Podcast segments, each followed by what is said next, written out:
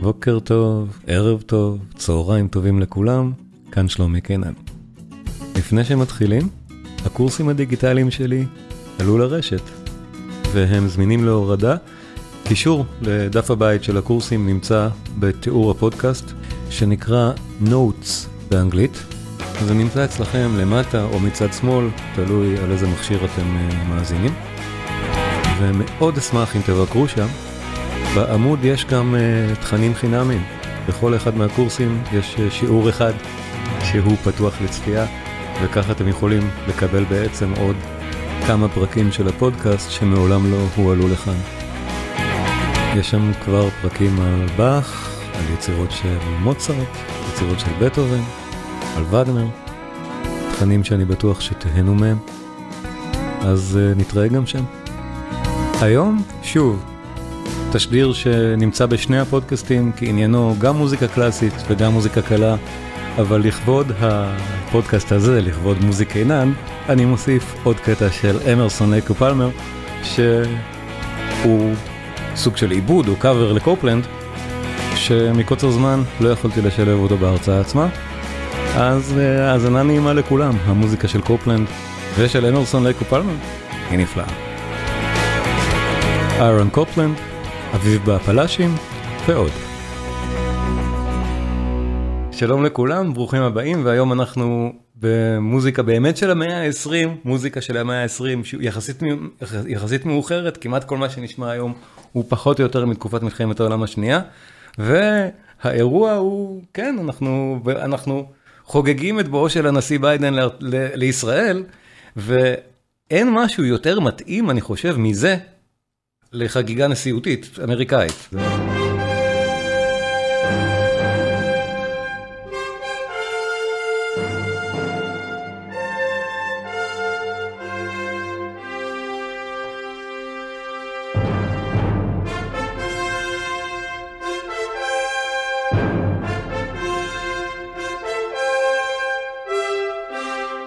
האימג'ים שעולים לנו בראש ישר זה לראות אותם מצדיעים מול הדגל באופן טקסי.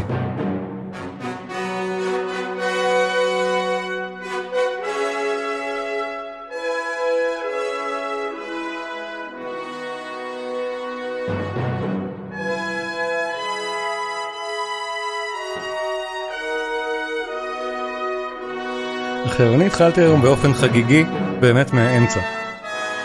זה השיא של המוזיקה של קופלנד, שיא הקריירה שלו בין שני הבלטים הגדולים.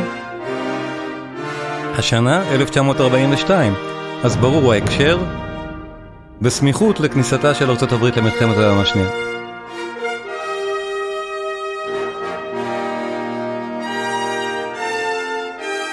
זו מוזיקה פטריוטית שיועדה להיות פטריוטית.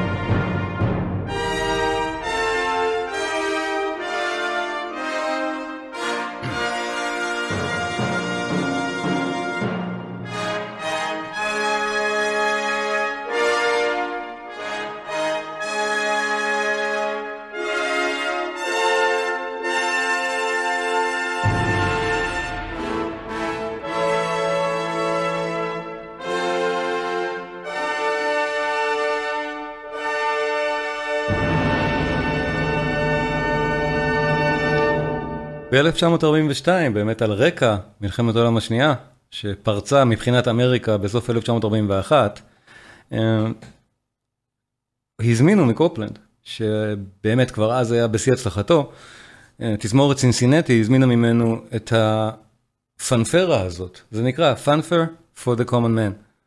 הפנפרה זה תרועה, תרועת חצוצרות. for the common man לאדם הפשוט. הרעיון לשם הוא נאום של סגן הנשיא בזמנו, אה, סגן הנשיא וואלאס, שאותו כנראה נאום שקופלנד אה, אה, שמע ומאוד אהב את התוכן שלו. אחד המשפטים שם התייחסו לסנטרי, למאה של ה-common man, century of the common man, ולכן הוא החליט לקרוא ליצירה, או לקרוא לקטע הזה, הפנפרה של ה-common man, fanfare for the common man. אה, זה גם ינבא מעט את הבאות. אה, דעותיו הפוליטיות של קופלנד היו נוטות לסוציאליזם כנראה מספיק בשביל שהוא ייחקר אחרי זה אה, בתקופת המלחמה הקרה על ידי מקארתי וכל הסיפורים הלא נעימים של מה שקרה אחר כך. אז הפנפרה של ה-common man זה פטריוטי מספיק, אני חושב, המוזיקה הזאת בלי קשר לזה של ה-common man או מה שלא יהיה עם ה-allusions המעט אולי סוציאליסטיות של זה, לא, זה ודאי שהמוזיקה הכי פטריוטית למדינה שעדיין אין לה מוזיקה פטריוטית בשלב הזה. לכן הזמינו ממנו את התרועה הפטריוטית הזאת, תזמורת צינסינטי, פשוט בשביל להתחיל את הקונצרטים בעונה הזאת, בעונת 1942, עם תרועה אמריקאית, שהפכה להיות סוג של תרועה ממלכתית לגמרי במהלך השנים, עד, ש, עד שאנחנו פשוט מכירים אותה מכל פינה של מדיה ברגע שרוצים לומר אמריקה. עכשיו, אה, מעניין אולי, אולי לומר שקופלנד בעצמו אחר כך אימץ את הדבר הזה לתוך הסימפוניה השלישית שלו. הגרסה האולי יותר מוכרת של זה, אני באמת לא יודע אם היא יותר מוכרת. קשה מאוד לדעת מה יותר מוכר של המוזיקה המאוד מפורסמת הזאת, אבל uh, הגרסה שלה, שהיא הפרק הרביעי של הסימפוניה השלישית, נשמעת ככה ומתוזמרת לתזמורת הרבה יותר גדולה. מה ששמענו פה, יש לנו רק כלי נשיפה ותופים. כאן אנחנו שומעים גם חלקים אחרים של התזמורת.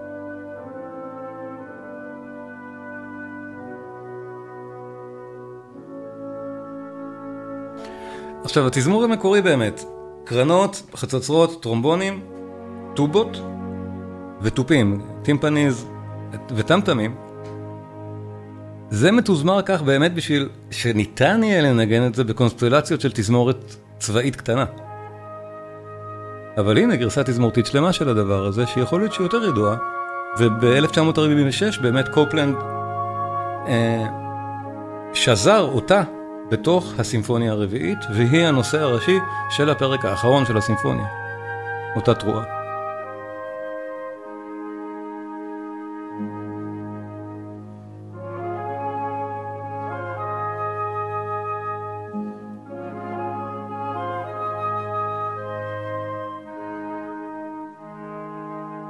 ועכשיו אנחנו נכנסים לחלק המסיבי ששמענו קודם, רק עם, עם תזמורת יותר גדולה.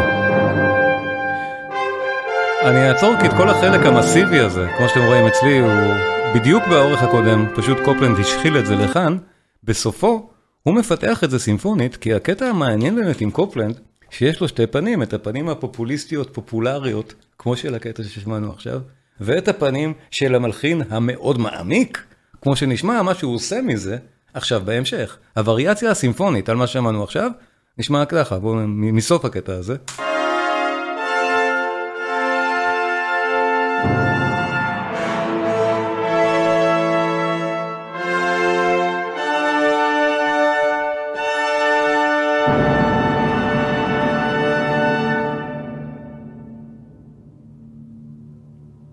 הסימפוניה השלישית, פרק רביעי.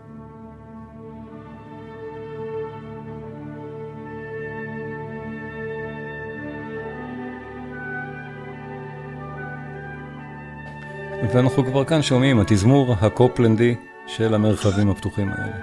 רק אה, אני אבקש לסגור מיקרופונים, אני אסגור לכולם, רגע.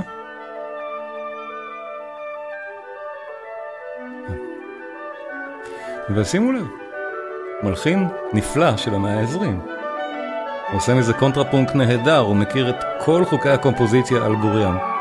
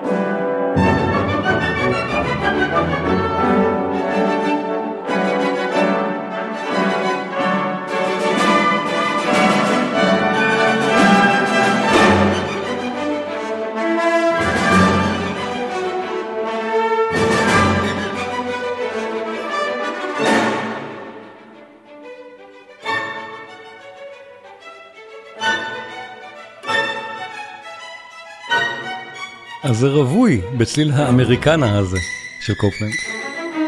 הצליל שבאמת הוא פיתח והוא חתום עליו, שמייצג בדיעבד בעינינו את הצליל האמריקאי הזה. אנחנו לא נשמע את הסימפוניה השלישית האטומה. היא באמת לדעתי איפשהו באגף של היצירות הפחות מוכרות או פחות אהובות של קופלנד יחסית. תכף נבין גם למה. אבל היא מקסימה, מאוד מומלצת להאזנה לכל מי שרוצה להתעמק יותר במלחין. אפשר לשמוע כמה המוזיקה הזאת מדליקה.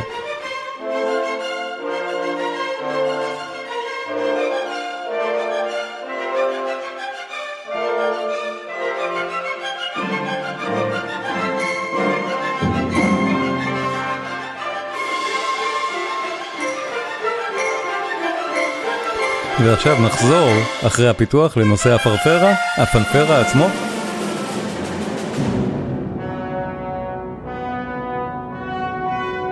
זוכרים שם היינו?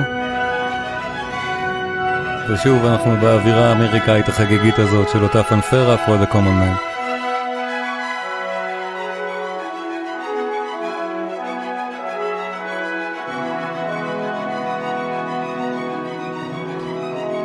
אם מישהו מרגיש עכשיו סרט קולנוע, כן, זו התחושה.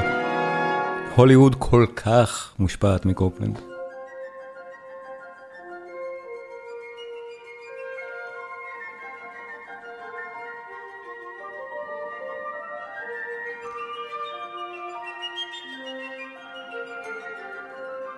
כן, פנפרה זה בא מפאנפר באנגלית, או פאנפרה, אני מניח בשפות, בשפות אחרות.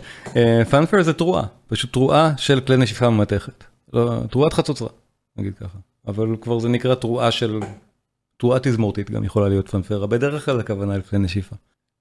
הפאנפרה, לאדם הפשוט, הפאנפר for the common man, יש לו, אני, אני חיפשתי בשביל ההרצאה, איזה, כמה מהגרסאות, כמה גרסאות בכלל יש לזה? יש כל כך הרבה, באמת המון. יש, אני מצאתי יותר ממאה גרסאות שונות של, אה, אה, לא, לא של ביצועים שונים ליצירה, אלא של פרשנויות שונות של ג'אז, של רוק, של פופ, של כל סטייל אפשרי בעולם לדבר הזה. אני חושב אחת מהמוכרות שבהן, כי היא שודרה המון ברדיו, כאות רדיו בכל העולם וגם בארץ, זו זו של אמרסון לייק ופלמר, להקת, אה, להקת progressive rock מאוד מאוד חשובה משנות ה-70, שמה שהם עשו מהפנפרה הזאת הפך להיות אות רדיו עולמי בכלל, אה, וגם כאן. המוזיקה הזאת של קופלנד מאוד מתאימה לאדפטציות מהסוג הזה, כמו שנשמע עכשיו, והקטע הזה של אמרסון לייקר ופלמר, האדפטציה שלהם לפאנפר for the common man, היא מהמדליקים, זה גם אגב היה הלהיט הכי גדול של הלהקה הזאת. בסופו של דבר, הקטע הזה, שהוא הקאבר שהם עשו לקופלנד, סינתסייזרים, מנגנים את זה? וזה נשמע נהדר הסינתסייזרים.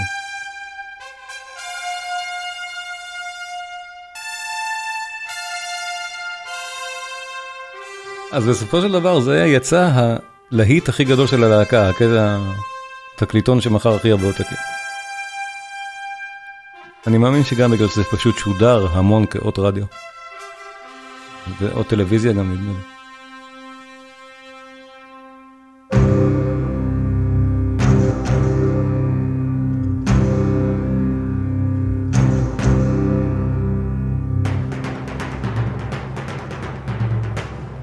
זה אנחנו בדרך כלל לא רגילים באמת לשמוע בערבים האלה, אבל היום המוזיקה הקלה יחסית של קופלן, אז למה לא? אמרסון לקר פלמר, פנפרה לאדם הפשוט.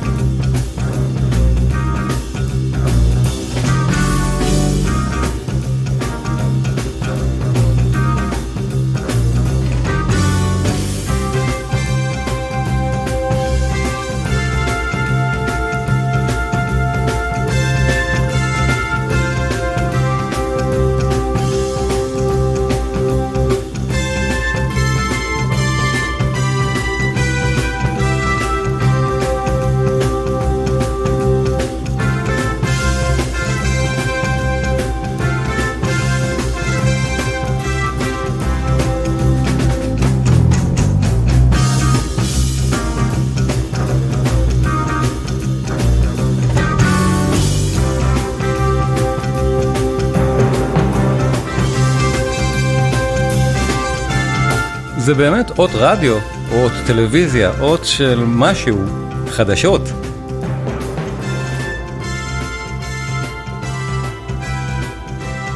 מעולה. המוזיקה של קופלנד פשוט היא זו שניסחה איזה סוג של מוזיקה, איך מוזיקה כזאת צריכה לצלצל. ואנחנו תכף נראה את זה בכל שאר הקטעים שלו שאנחנו נעבור עליהם עכשיו במעבר מהיר, הקטעים הפופוליסטיים של אהרון קופלנד.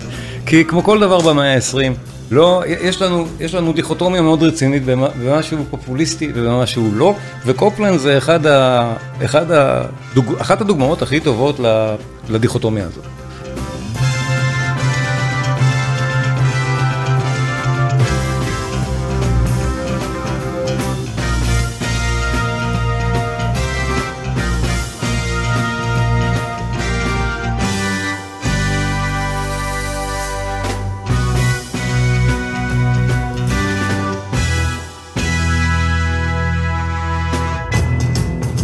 וניתן להבחין שאמרסון עצמו לקח את הפרק מהסימפוניה השלישית, ולא את הפנפרה, בתור הבסיס שלו. הקטע הארוך. אז הוא באמת לקח את הפתיחה, כמו שהתווים כתובים בסימפוניה, ולא בפנפרה בלבד. ומשם הם הולכים לאלתורים הנהדרים האלה, בואו נאזין.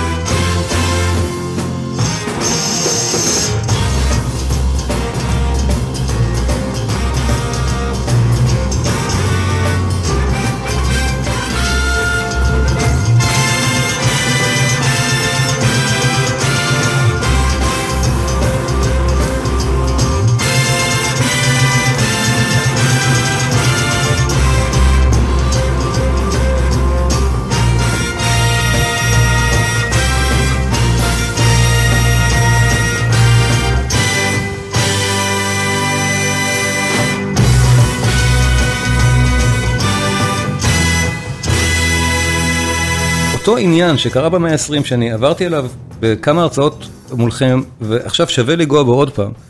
ההשפעה העצומה בצד השני של האטלנטי, שלא מגיע לאמריקה בינתיים כל כך, של ארנולד, ארנולד צ'נברג והאסכולה שלו ומה שהיא מייצגת, שהפילוסופיה היא, רגע אני אמצא את הציטוט המפורסם של צ'נברג, הפילוסופיה הרלוונטית זה הציטוט הזה. אם זו אמנות, זה לא לכולם, ואם זה לכולם, זו איננה אמנות. האסכולה של שיינברג, או שיינברג והאסכולה שלו, שבאמת כבשה את אירופה לפני מלחמת העולם השנייה, או בין המלחמת, מלחמת העולם הראשונה למלחמת העולם השנייה, בתקופה שבה באמת רצו לשבור הכל, ושברו את הכל, הם החליטו לשבור את חוקי המוזיקה, ולנסח חוקים אחרים. שיינברג בעצמו ברח בגלל, מגר, מגרמניה, יהודי, ב-1933 הגיע לאמריקה, ושם הלחין את הקונצ'רטו לכינור שלו, אחת מהיצירות הכי אולי מפורסמות, לא יודע אם זו המילה של שיינברג, אבל הפילוסופיה המוזיקלית הזאת מביאה לתוצאות האלה.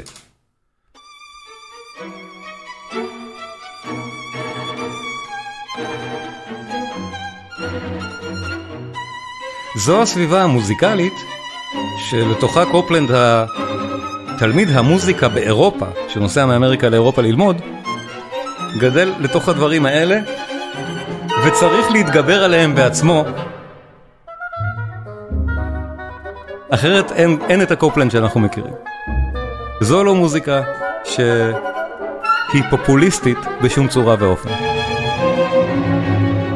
אני לא יודע עד כמה זה מענג אפילו לשמוע את זה. אבל בלי קשר לשיפוט ערכי של מוזיקה של שיינברג למשל, או של האסכולה המאוד משפיעה שלו, שנקרא האסכולה הווינאית השנייה, אה, קופלנד בגיל מאוחר, בגיל 38, אחרי נסיעה למקסיקו, והתאהבות שלו בסגנונות מוזיקליים שהוא נחשף אליהם שם, סגנונות מוזיקליים באמת לטיניים בכלל. אחרי כל לימודיו באמריקה ואירופה וכל. והוא כבר פרופסור והוא מלמד, ואת כל הדברים האלה הוא עושה, נחשף למוזיקה הזאת, ומה שיוצא מזה זה את יצירת ה... בעצם הלהיט הראשון של קופלנד, שהוא מקסים כל כך, אה, זה נקרא אל סלון מקסיקו, ופשוט זה משהו שהוא אה, מבוסס, השם אל סלון מקסיקו זה על הסלון האמיתי במקסיקו. היה הסלון במקסיקו, שבו הוא שמע את המוזיקה הזאת וראה את הרקדנים האלה. והיצירה היא בעצם אדפטציה של קופלנד לארבעה קטעים שמקורם אכן מקסיקני או מקורם לטיני. לא ברור בדיוק מה המקור שלהם, אבל ודאי שהם לא קטעים של קופלנד עצמו, אלא קטעים עממיים פולקלוריסטיים שהוא מאמץ לתוך היצירה. הוא הולך בדיוק בדרכו של דבוז'ק, ודבוז'ק עוד יככב בדיון הזה די הרבה. אבל אל סלון מקסיקו קודם כל, בואו נתרשם, לא אשמיע את כל היצירה, אלא רק חלק אחד מאוד מפורסם ומאוד מתוק מתוכה, ושימו לב כבר לדבר המאוד מיוחד במקצבים האלה שקופלנד מאמץ פה.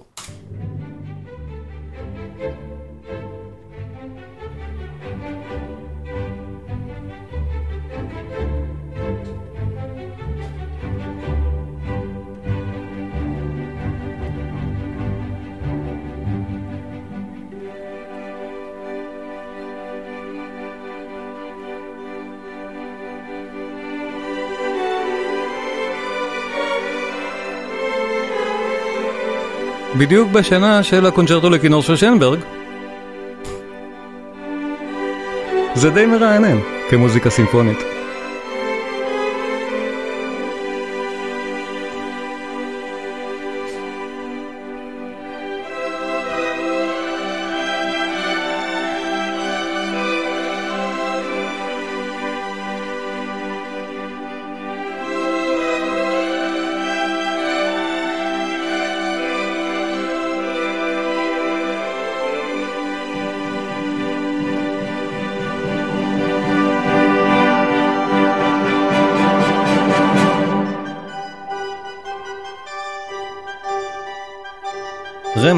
סיפור הפרברים, זוכרים?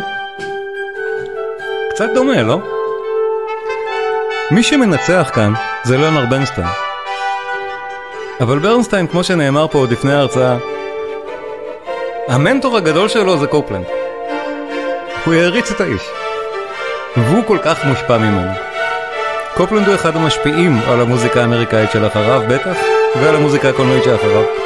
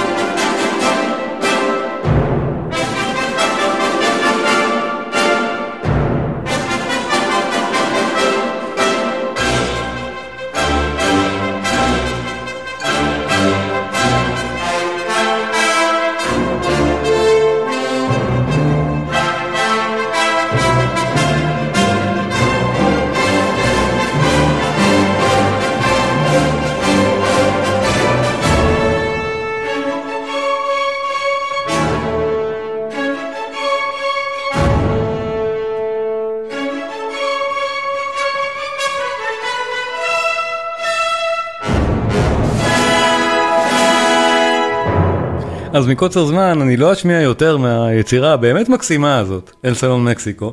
וזאת הייתה הצלחה ענקית, אפשר, שוב, אפשר להבין גם מדוע לגמרי, למה דבר כזה, כאש בשדה קוצים בכל רחבי אמריקה, אה, כש, כשקופלנד שחרר את זה, וזה גם הכניס לו הרבה מאוד כסף, שיכול היה לשחרר אותו ממשרות ההוראה, ויכול היה להתרכז באמת בקומפוזיציה, וקופלנד הבין מזה את הפרינציפ. הסגנון הזה הוא סגנון נפלא. הוא עלה פה על משהו. היצירות הכי מפורסמות של קופלנד, או הכי נחשבות שלו, באותו סגנון פופוליסטי, שוב, לא בדברים האחרים שהוא יצר, אלא רק באותו ז'אנר פופוליסטי ש... שאנחנו מדברים עליו היום, אלו הבלטים. יצירות שנכתבו למחול, וזה פרלל מעניין עם סטרווינסקי. הבלטים של קופלנד אכן מושפעים מסטרווינסקי, ואנחנו עוד נגיע גם לפרללים עם דבוז'ק, אבל לפני זה עוד דבר אחד שרציתי להגיע, להגיד על ברנסטיין שמנצח על הדברים האלה. אמרתי לכם, תחשבו על סיפור הפרברים. המקצב הזה ששמענו כל הזמן, האווירה באופן כללי, והאווירה באופן כללי של מה ששמענו, בסלון מקסיקו. הוא ברנסטיין, באמת בקצרה.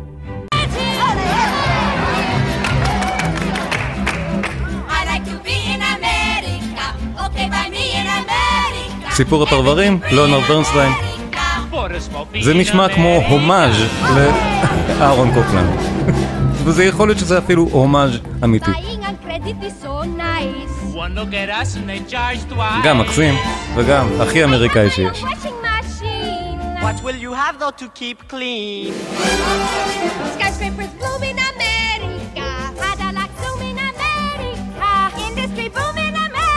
אז זהו, האמת שברנסטיין די מככב בהרצאה של הערב, הוא מנצח על כל מה שאנחנו שומעים, ופה הוא המלחין.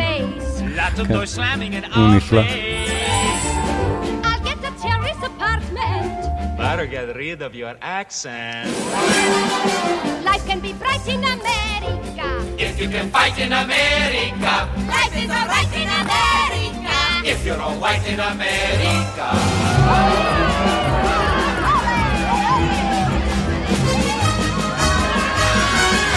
עכשיו בואו נזכור את הסוג הזה של המשקלים והמקצבים שיופיעו עוד בכמה וכמה קטעים שנשמע היום של קופלנד, בעוד כמה וכמה ריקודים.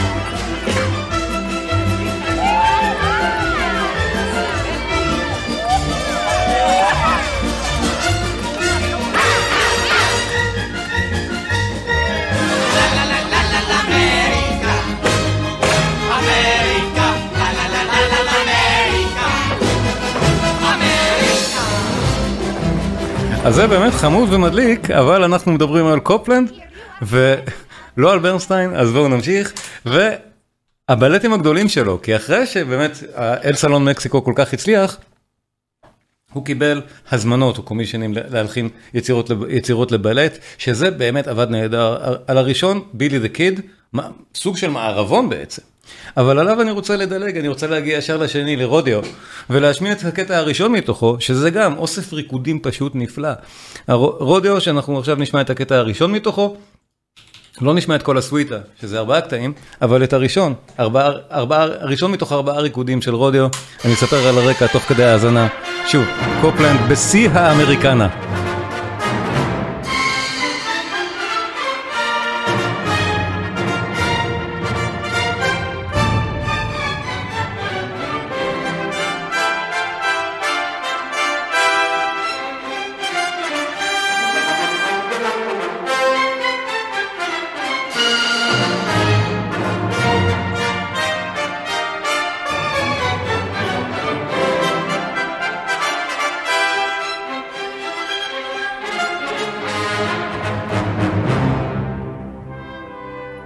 הסיפור של הבלט, אה, יש לבלט סיפור, למרות שאנחנו שומעים את הסוויטה התזמורתית מתוכו, אבל זה מספר את עלילותיה של קאוגרל, של נערת בוקרים. אה, כל האווירה היא באמת מאוד אמריקאית של המערב הפרוע, וזה גם מה שהיה בבילי דה קיד, בבלט הקודם שלו, בוודאי, בילי הנער, תמה מוכרת ממערבונים, וגם בבא, באביב באפלאצ'י, אביב באפלאצ'י. והסגנון הקופלנדי הזה, המוזיקה הזאת של המרחבים הפתוחים באמת, שזה סגנונו, הפך להיות בהשאלה הסגנון של המרחבים הפתוחים בקולנוע האמריקאי. אבל הדרך שבה דבוז'ק באמת, אה, סליחה, אמרתי דבוז'ק, כי זה כל כך דומה לדבוז'ק, הדרך שבה קופלנד עושה אינטגרציה לנושאים העממיים האלה, או למוטיבים הפולקלוריסטיים האמריקאים. במקרה של אה, קופלנד, הפולקלור שהוא מתייחס אליו זה באמת הפולקלור של החלוצים, המוזיקה שהם היו שרים. שהם היו רוקדים לה, אותם קאובויז, הבוקרים, הפיונירס, המתיישבים. בית קטן בערבה.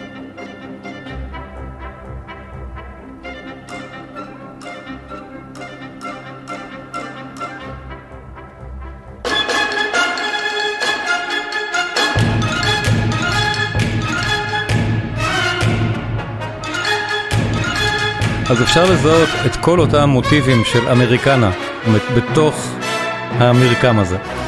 אבל באמת אותה דרך שבה קופלנד החליט לשזור אמריקנה פה, זה מה שדבוז'ק היה עושה.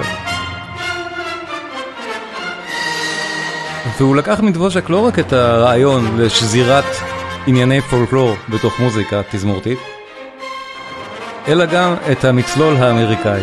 אנחנו עוד מעט נשמע את הקטעים שבהם הוא מתייחס כמעט ישירות לדבוז'ק, אבל חדי אוזן שכבר מכירים את דבוז'ק מזהים את זה גם מכאן.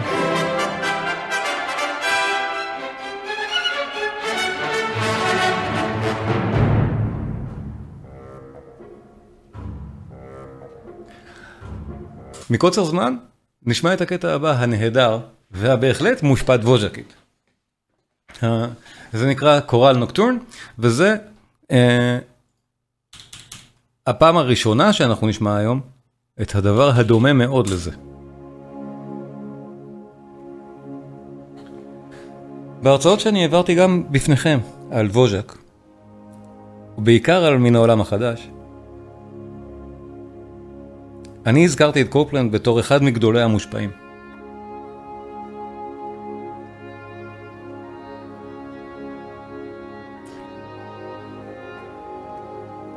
אפשר לראות גם את ההרצאה שלי אולי על דבוז'ק, אני אתן קישור בסוף אם תרצו. אני, בזמן, ה... אחרי ההרצאה אני אעתי קישור שאפשר לראות את ההרצאה לפני חצי שנה בערך, על מין העולם החדש של דבוז'ק. תודה דניה.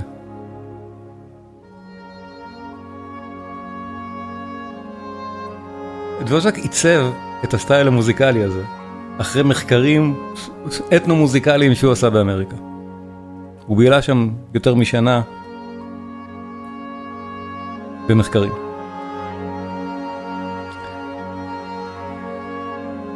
זה הצליל שהוא גיבש בעקבות אותם מחקרים על הזהות האתנו-מוזיקלית של אמריקה. הדבר הזה באמת כל כך השפיע, שגם כמה דורות אחרי, קופלנד נולד אחרי שהסימפוניה הזאת ראתה אור, קופלן נולד ב-1900, אבל לא משנה, היצירות שלו מ-1940 מתקשרות ישר עם זה. גם מבחינה קונספטואלית של מלודיות עממיות, שורשיות, לתוך המוזיקה, וגם פשוט בטקסטורה ובסגנון המוזיקלי עצמו. הוא תלמיד מצוין של דבוז'ק, ובכך, דרך קופלנד, השפעתו של דבוז'ק העצומה לדעתי על פסי קול הוליוודים. קופלנד זה החוליה החסרה בדרך כאן. אז למשל, הכורל נוקטורן, הקטע השני, הריקוד השני, מתוך, ה... מתוך רודאו ששמענו, קטע מאוד מאוד דבוז'קי.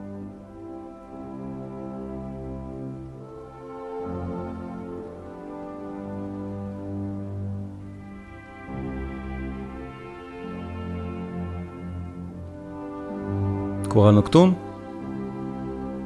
הפרק השני של סוויטת רודיו של קופלנד.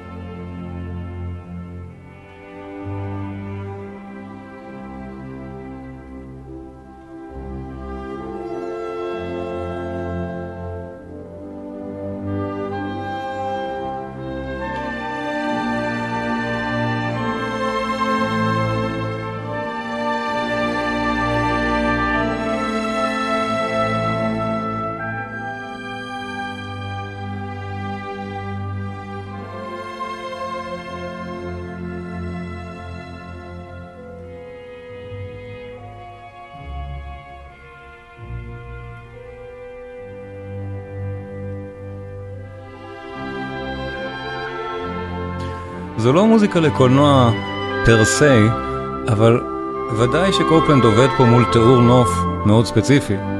במקרה הזה הקורל נוקטורן, ככה זה נקרא, זה תיאור של אותה נערה קאוגר. בלילה בערבה מתגעגעת לאהובה.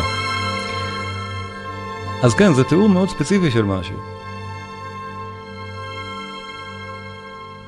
ולכן זה גם נשמע כל כך קולנועי.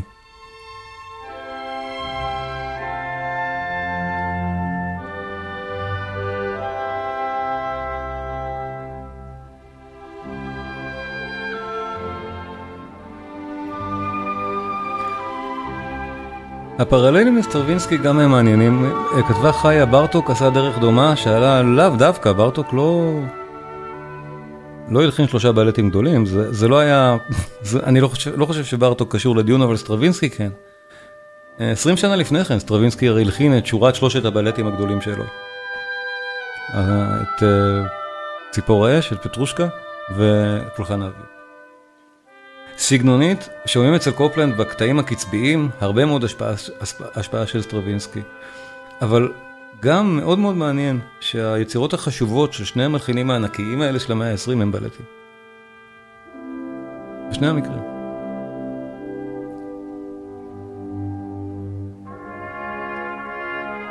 יצירות תיאוריות למעשה.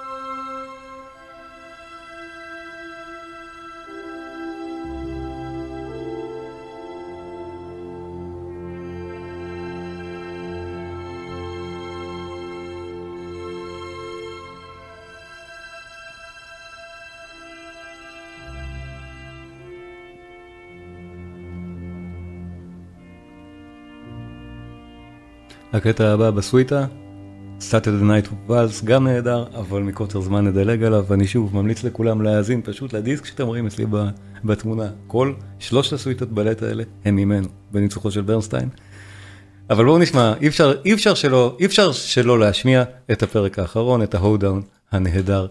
אה, זה אחד הריקודים הפרועים והנפלאים של הסוויטה הזאת, של אה, רודיו.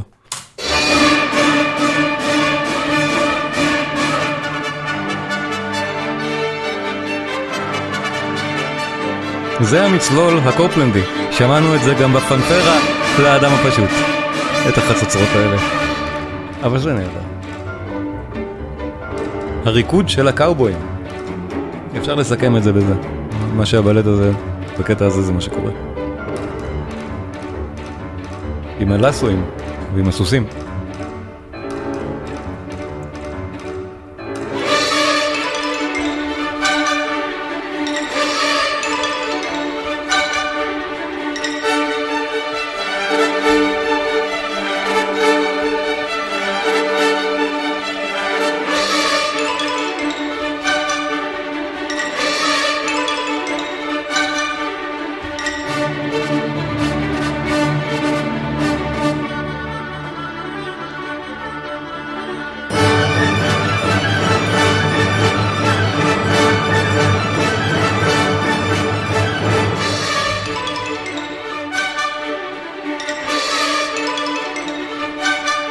עכשיו אפשר לזהות פה באמת סינקופציה, המילה הזאת שאני תמיד אומר, הדברים הקצבאיים האלה שהם לא תמיד במקום, העניינים הריתמיים המשונים האלה, שבאמת מזכירה מעט אסטרווינסקי.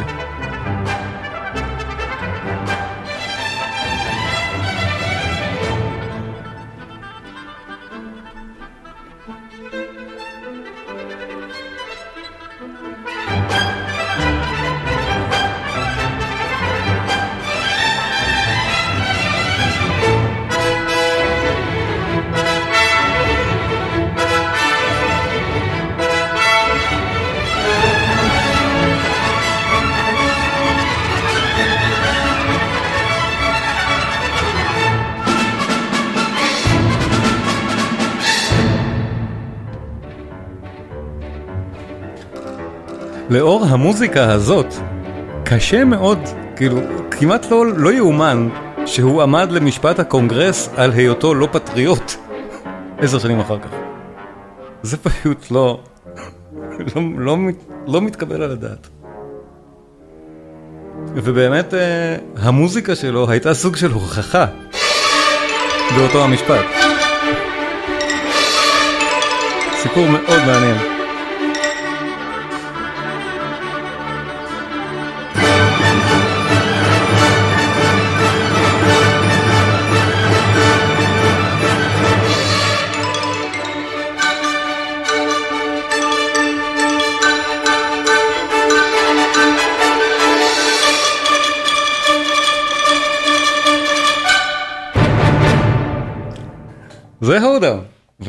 רודאו מסתיימת, הסוויטה התזמורתית של הבלט רודאו. ואוהבי אמרסון לייק ופאלמר כבר זיהו מצוין את הקטע. קית' אמרסון עצמו מאוד אהב והעריך את המוזיקה של קופלנד, הוא דיבר על זה הרבה מאוד פעמים, וכמו ששמענו בהתחלה, את הפנפרה, את הפנפר for the common man, כך גם לקטע הזה, ל-Hoedown, באופן מאוד מפורסם, אמרסון לייק ופאלמר עשו סוג של קאבר אלמותי. בואו נשמע.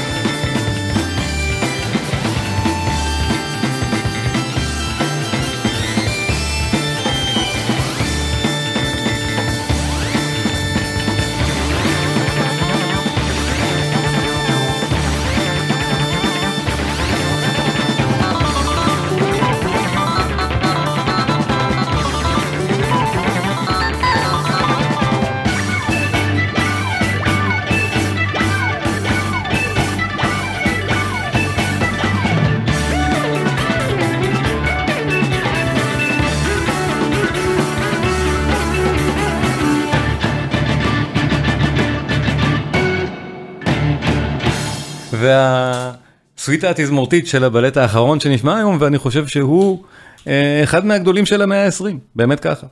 האביב, אביב בערי הפלאשים, ורק בשביל הפתיחה שלו, אני רוצה שנ, שנשמע שוב את זה. זוכרים את ווז'ק?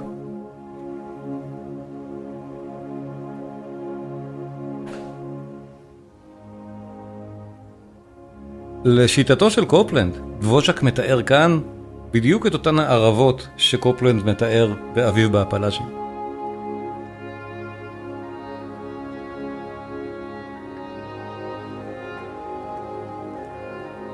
אנחנו זוכרים את המצלול.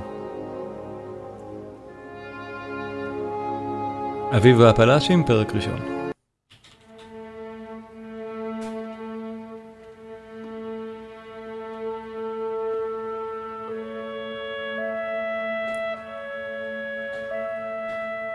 האווירה היא נהדרת.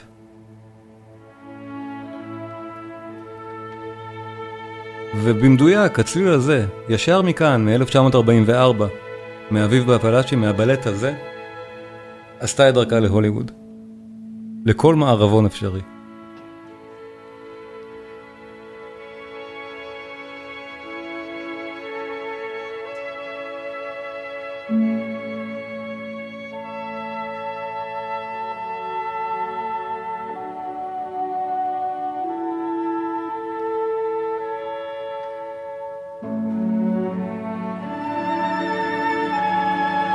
זה כל כך יפה.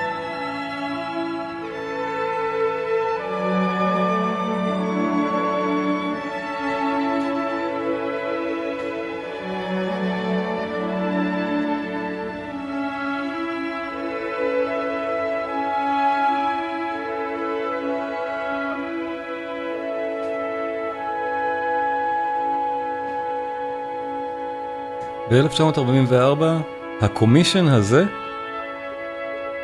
היה לתזמורת קטנה של 13 כלים. זה היה כל כך מוצלח, שקופלנד לקח את הבלט, קיצר אותו, זה היה 14 קטעים, קיצר אותו לשמונה, ותזמר אותו לתזמורת מלאה בתור סוויטת אביב באפלאצ'ים. אז הסוויטה במתכונת הזאת לא עוקבת אחרי עלילה, אבל בהחלט נותנת אווירה. הבלט עסק בפשוט חייה של משפחת חלוצים, פיונירס אמריקאים בהרי האפלאשים. אבל באופן די אירוני, אפילו הכותרת הרי האפלאשים, או אביב בהרי האפלאשים, לא ניתנה לזה, לא היה סיפור מהודק, זה בלט, בזמן שקופלנד הלחין את היצירה. והוא צוחק ואומר, באופן מפורסם, שהוא קיבל אחר כך מחמאות, איך הוא ידע בדיוק לתאר במוזיקה את האווירה של אביו בערי הפלאשים, בזמן שהוא בכלל לא ידע שעל זה מדובר בזמן שהוא הלחין את הבלט. שימו לב, הפתעה, הריקוד הראשון. ועברנו, זאת הסוויטה התזמורתית, הקטעים מחוברים אחד לשני, ממש כמו סוויטה סימפונית, כמו יצירה נהדרת, הכל מחובר. האלגרו הזה זה הריקוד הראשון בסוויטה.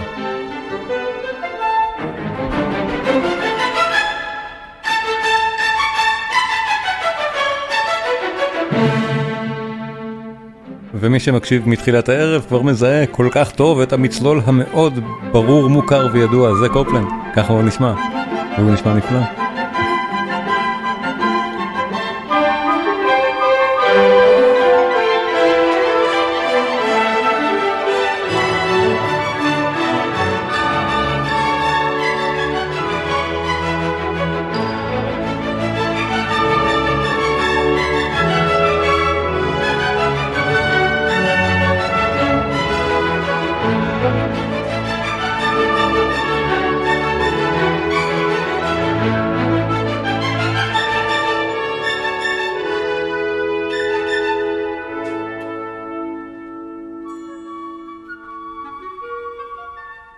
כמו באירודיו, וכמו באל סלון מקסיקו, גם כאן, קופלנד מתבסס ברוב הקטעים, לא בכולם, אבל ברובם, על שירי עם על מלודיות עממיות, על ריקודים עממיים, שהיו קיימים והיו מוכרים, אמנם לא כתובים בתווים, היו פשוט מסורתיים.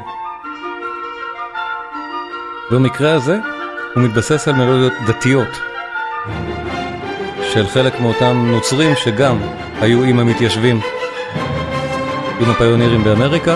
יש עוד קטע יותר ידוע מזה אפילו, שאנחנו נשמע אחר כך, שברור שהוא משם. אבל חשוב לדעת, הוא עושה בדיוק את מה שדבוז'ק עשה. לוקח את המוטיבים העממיים האלה ופשוט מפאר אותם לגמרי לתוך התייחסות סימפונית כל כך יפה, ומייצר את המסלול האמריקאי האופייני הזה.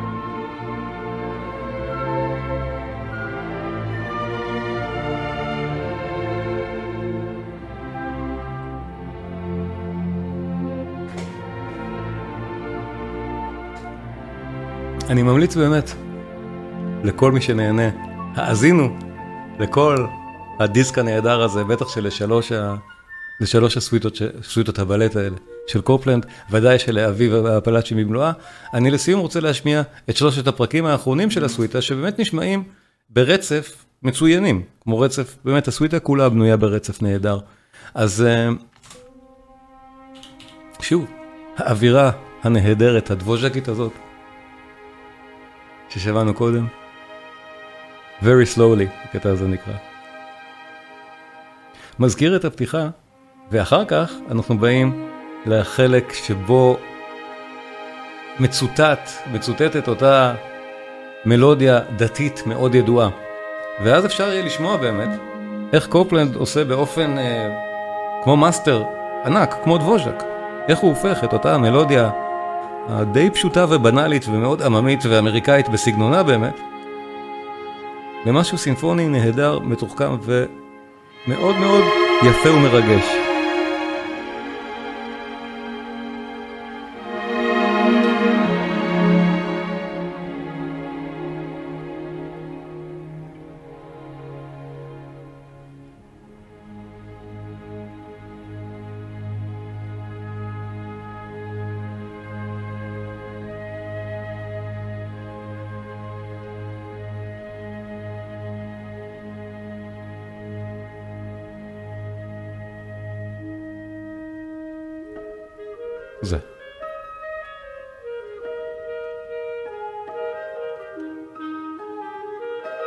זו מלודיה של לחן כנסייתי של אותם פיונירים אמריקאים, של המאמינים. באמת נשמע כזה.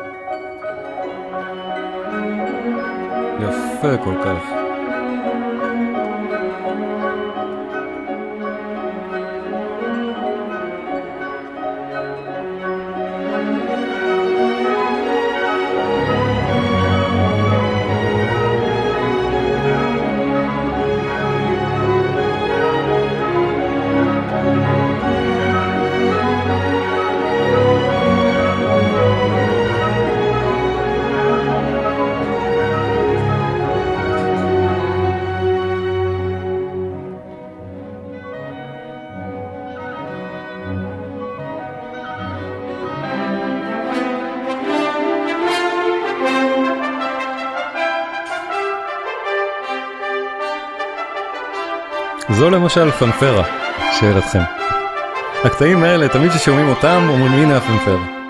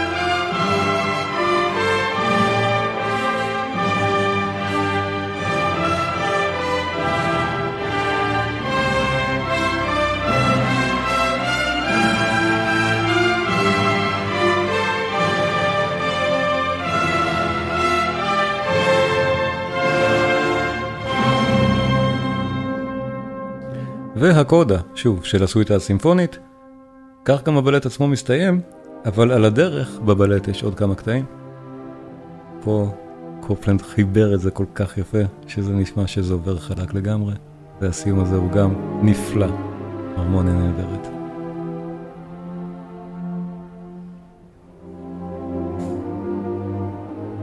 בשנות החמישים, אחרי היצירות המופת האלה, הן כולן מתקופת מלחמת העולם השנייה כאמור.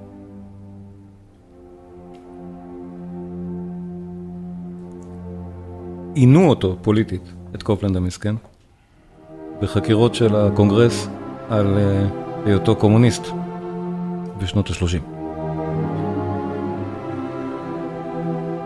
כנראה שהוא באמת בכלל לא היה חבר מפלגה, והשמות האלה היו האשמות מופרכות, כך או כך, זה העבירו אותו שבעה מדורי גיהנום שם. ואני חושב שזה סיפור די מחריד שהמלחין שכתב את זה הוא אחר כך עלה על המוקד כבוגד. אה, הוא אכן היה סוציאליסט כנראה בדעותיו הפוליטיות, ואכן היה קרוב בדעותיו, אבל לא היה חבר מפלגה אף פעם. וכנראה היה גם הומוסקסואל, שזה אף פעם לא עוזר במקרים האלה.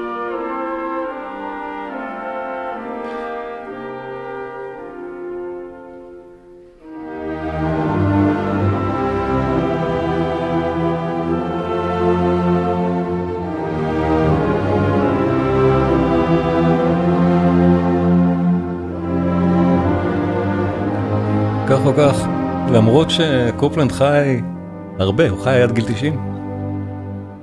הוא יליד 1900 והוא נפטר ב-1990.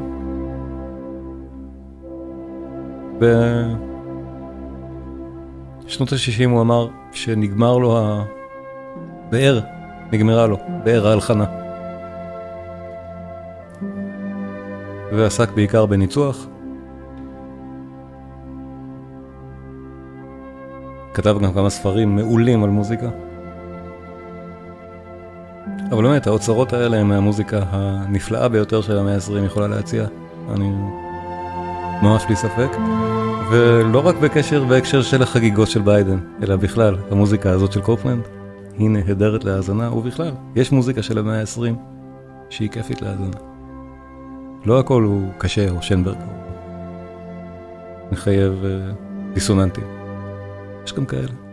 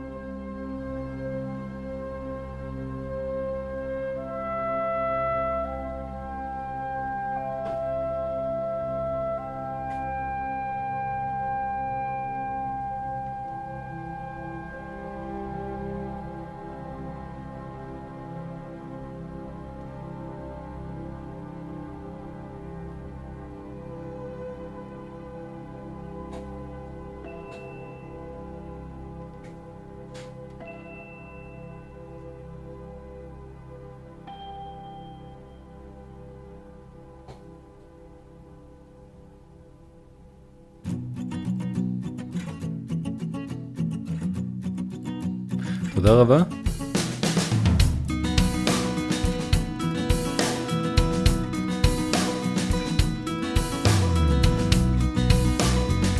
תודה לכם על ההאזנה. הקורסים הדיגיטליים שלי עלו לרשת, והם זמינים להורדה. קישור לדף הבית של הקורסים נמצא בתיאור הפודקאסט, שנקרא Notes באנגלית. זה נמצא אצלכם למטה או מצד שמאל, תלוי על איזה מכשיר אתם uh, מאזינים. ומאוד אשמח אם תבקרו שם. בעמוד יש גם uh, תכנים חינמים. בכל אחד מהקורסים יש uh, שיעור אחד שהוא פתוח לצפייה, וככה אתם יכולים לקבל בעצם עוד כמה פרקים של הפודקאסט שמעולם לא הועלו לכאן. יש שם כבר פרקים על באך, על יצירות של מוצרט, יצירות של בטהובן, על וגנר, תכנים שאני בטוח שתהנו מהם, אז uh, נתראה גם שם.